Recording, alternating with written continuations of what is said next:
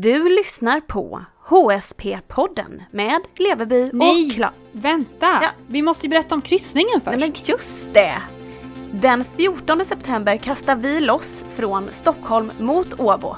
Då får du lära dig mer om hur högkänsligheten påverkar oss, vilka fallgropar vi kan undvika och vilka styrkor vi ska förstärka. Och så träffar du föreläsare och oss såklart. Läs mer på tallinksilja.se hsp och på vår sajt alltomhögkänslighet.se. Hoppas att just du vill följa med oss.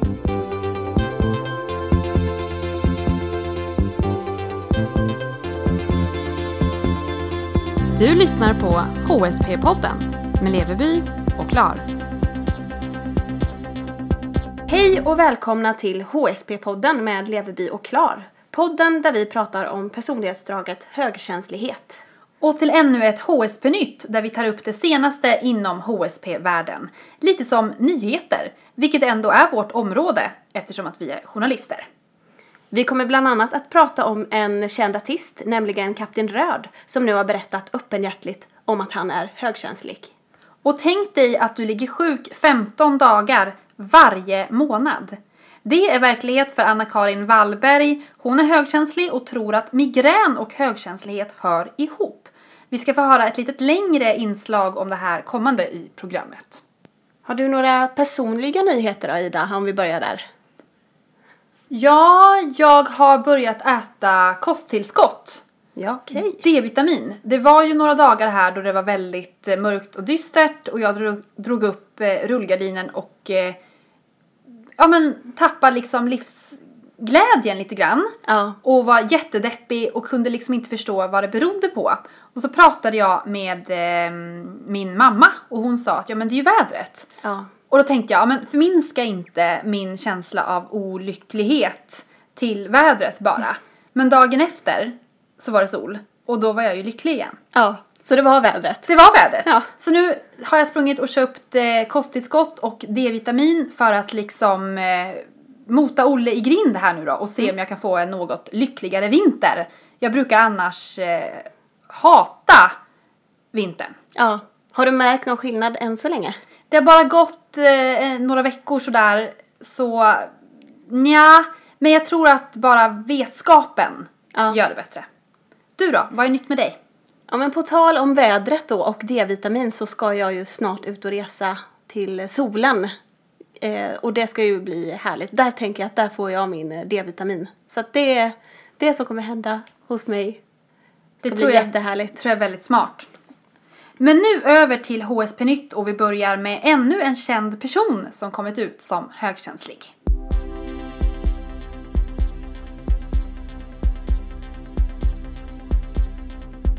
Den här gången är det reggae-artisten Kapten Röd, eller Björn Nilsson som han egentligen heter, som berättar om sin högkänslighet i P3s program Psyket. Där pratar han om sin ångest, depression och dåliga självkänsla. Men i slutet av programmet berättar han att han har kommit till insikt om att han är HSP. Björn ger också en känga till ett ord som högkänsliga ibland får höra. Han konstaterar nämligen att överkänslighet är ett skitord.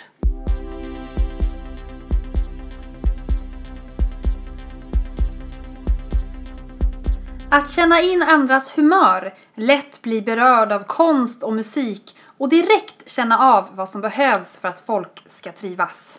Artikeln Så kan det kännas att vara högkänslig har slagit läsarrekord på vår hemsida levebyochklar.wordpress.com.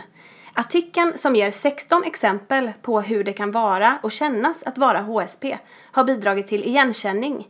Men några läsare har också gett artikeln till anhöriga för att de ska förstå. Missa inte den!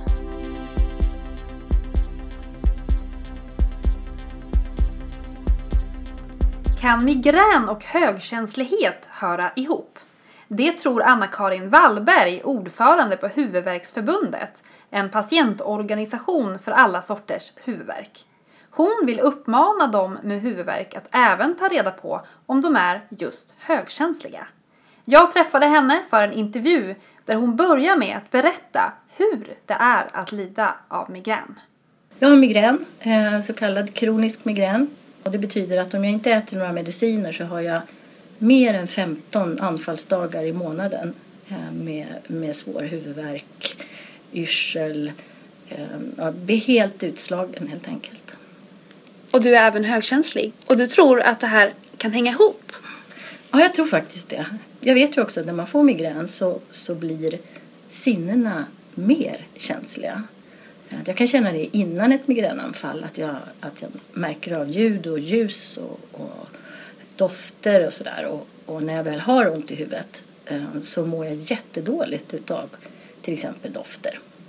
Men jag märker ju också på mig själv att jag har en, en grundkänslighet som är betydligt högre eh, än, än andra människor.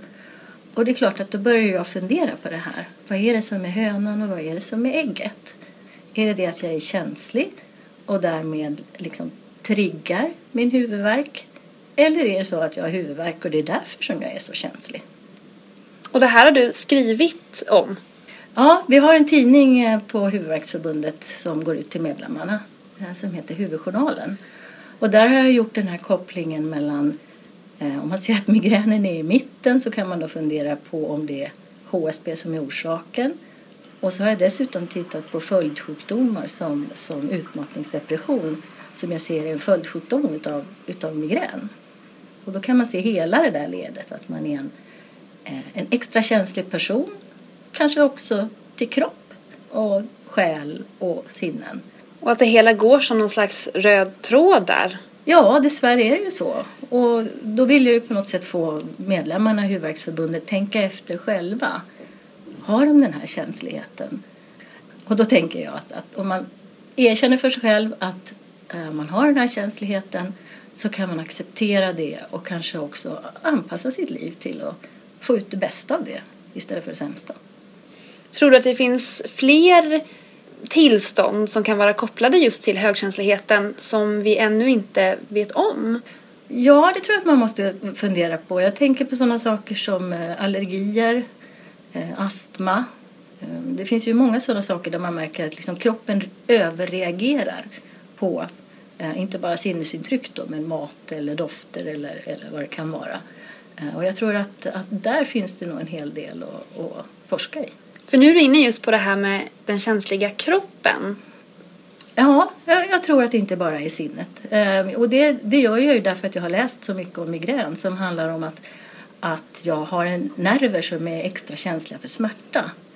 Ehm, och det är klart att om, om en, en nerv i hjärnan kan vara extra känslig så finns det många andra delar i kroppen som också kan ta åt sig eller vad ska vi säga må dåligt utav eh, det man upplever. Hur tror du att det här kommer att eh, utforskas i framtiden? Eh, än så länge så, så tror jag att vi måste kämpa med för att forskningsvärlden ska se det som en, en seriös form av eh, personlighetstyp. Och där är vi ju inte riktigt framme ännu. Men så fort det kommer ekonomiska incitament, alltså så fort man kan se att människor kan må bättre så tror jag att samhället också ser att de skulle tjäna på att, att, att forska på området. Jag tror att många som hör det här nog kan tänka att det är eh, lite av en aha-upplevelse. Ja, för mig var det absolut en aha-upplevelse. Um, å ena sidan så var jag fascinerad över den här kopplingen uh, och tittade runt naturligtvis och försökte hitta, hitta fakta men hittade inte så mycket. Uh, men jag har ju läst på mycket om hur, hur migränen fungerar och, och vi har till exempel en, en svensk forskare som heter Lars Edvinsson som uh, har kommit på hur han ska förebygga migrän och har utvecklat ett läkemedel som kommer alldeles strax. Eh, och det går just ut på att, att stoppa känsligheten i just den nerven som gör att man får så fruktansvärd huvudvärk. Och det handlar om signalsubstanser i hjärnan. Mm -hmm. Ja, varför skulle det inte kunna, kunna stoppas eller funderas på när det gäller andra åkommor eller, eller när det gäller en generell känslighet? Nu är det inte så att jag skulle vilja bli frisk från HSP, om man säger så. Jag, jag är rätt förtjust i min känslighet. Eh, men smärtan skulle jag gärna bli av med. Det här med att jobba, mm. att vara högkänslig mm. och också då, som du säger, drabbas av migränattacker. Mm. mm. Hur är det? Det är förskräckligt. Men visst får man höra. Dels att man inbillar sig, eh, ja men att man är så himla känslig. Eller att det ska vara så noga. Eh, eller att man är så kinkig. Eh, och, och det är klart att det där tar man ju åt sig utav eftersom man tror att det är någonting som är fel med mig snarare än att ja, men jag upplever ju det här på riktigt. Det är, jag är inte kinkig utan det här ljuset är smärtsamt för mig. Eller den här doften får mig verkligen att vilja kräkas. Det är inte en, en inbillad känslighet utan den är verkligen faktisk. Vad vill du säga till andra som lyssnar på den här podden nu och känner igen sig i det du säger? Jag tycker att de ska vara stolta över sin känslighet. Jag tycker att de ska fundera på när det är eh, när de har nytta av den. Eh, och jag tycker att de ska lyfta fram det såväl på, på arbetet som hemma. Alltså man kan ju stolt säga att men du vet att jag är ganska kreativ eller jag har mycket bra idéer och, och du vet ju att jag känner av stämningar ganska bra. Och att man liksom använder det och, och står upp för dem. Och när jag var 20 kanske jag trodde att jag var knäpp. Eh, när jag var 40 så började jag väl fatta att ja, men det är ju jag. Och nu har jag liksom den här aha-upplevelsen att jaha, det är speciellt. Ja, men då ska jag ju utnyttja det. Tack så jättemycket för att du var med i HSB-podden med Lever Bio Klar. Mm, tack så mycket för att jag fick vara med.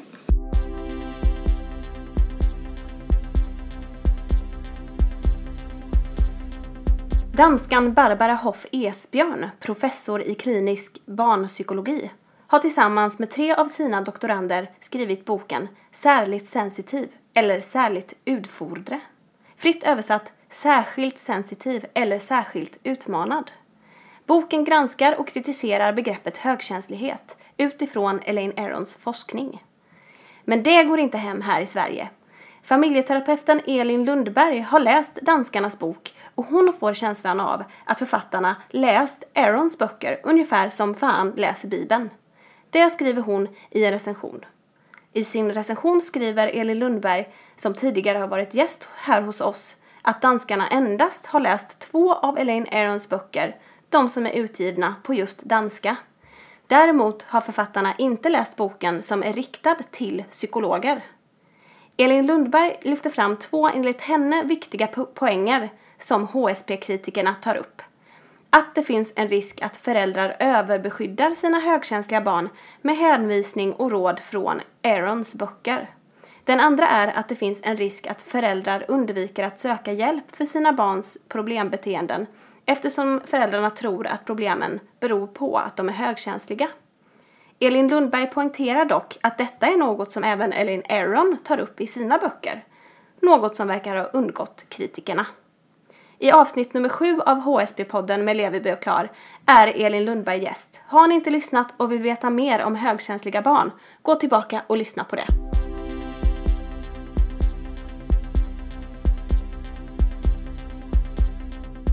Ljudkänslighet och högkänslighet lika med sant. Det undrar en lyssnare i ett mejl. Många tankar far i huvudet på mig angående HSP och huruvida om jag själv tillhör den kategorin. En av tankarna är sambandet mellan HSP och misofoni, även kallat selektivt ljudkänslighetssyndrom. Kan ni hjälpa mig att komma fram till en koppling? Eller om det överhuvudtaget finns någon? Vet inte om ni känner till begreppet, men misofoni innebär att man har extremt svårt för vissa ljud. Dessa ljud och även rörelsemönster gör en väldigt irriterad, bryter koncentrationen och kan göra att man går från att vara glad till att vara på dåligt humör eller till och med arg. Jag anser mig själv ha misofoni och är fundersam om många med HSP har det. Hälsningar Veronica. Har vi några lyssnare som vet mer om det här eller som kanske känner igen sig i Veronicas berättelse? Hjälp då oss och även Veronica. Vi vill gärna veta mer, för vad vi känner till så finns det ingen forskning på just det här ämnet. Hör av er till oss.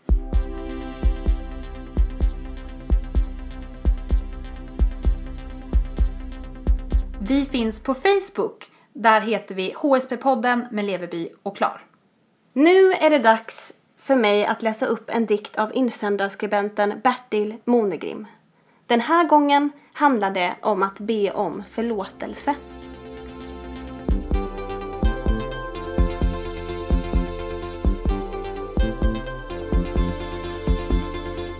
Veckans Bertil. Tänk vad många som skulle behöva be någon annan människa om förlåtelse. Det kan tyckas vara småsaker, men som för andra kan växa till höga berg. Nu är det inte meningen att vi ska efterlikna programmet Förlåt mig med Agneta Askelöf på TV4 95, utan mycket enklare på ett jordnära sätt. Och vi ska heller inte ransaka oss själva och gå tillbaka 50 år, utan det kan vara saker som har hänt och inte allt för långt borta. Det kan gälla mobbning i skolan, eller bara några hårda ord som har sagts och gjort någon ledsen, som behöver ha några tröstens ord. Det kan vara en befrielse och några tårar fälls, men efter regn kommer solsken. Det var allt för den här gången. Glöm inte att prenumerera på oss på iTunes, Acast eller i din favoritpodcast-app. Tack för att ni har lyssnat. Hej då! Hej då! Nästa vecka pratar vi om ett ämne som många av er har önskat. Hur det är att vara högkänslig förälder. Med oss har vi, just det, föräldrar. Jag trodde nog att det skulle vara lyckorus och fantastiskt. Och sen eh, var det det, men också som ett slag i ansiktet av oro. Allt som kan gå fel och allt som kan hända henne. Och tänk om inte jag är tillräckligt bra mamma. Det tog väldigt stor plats.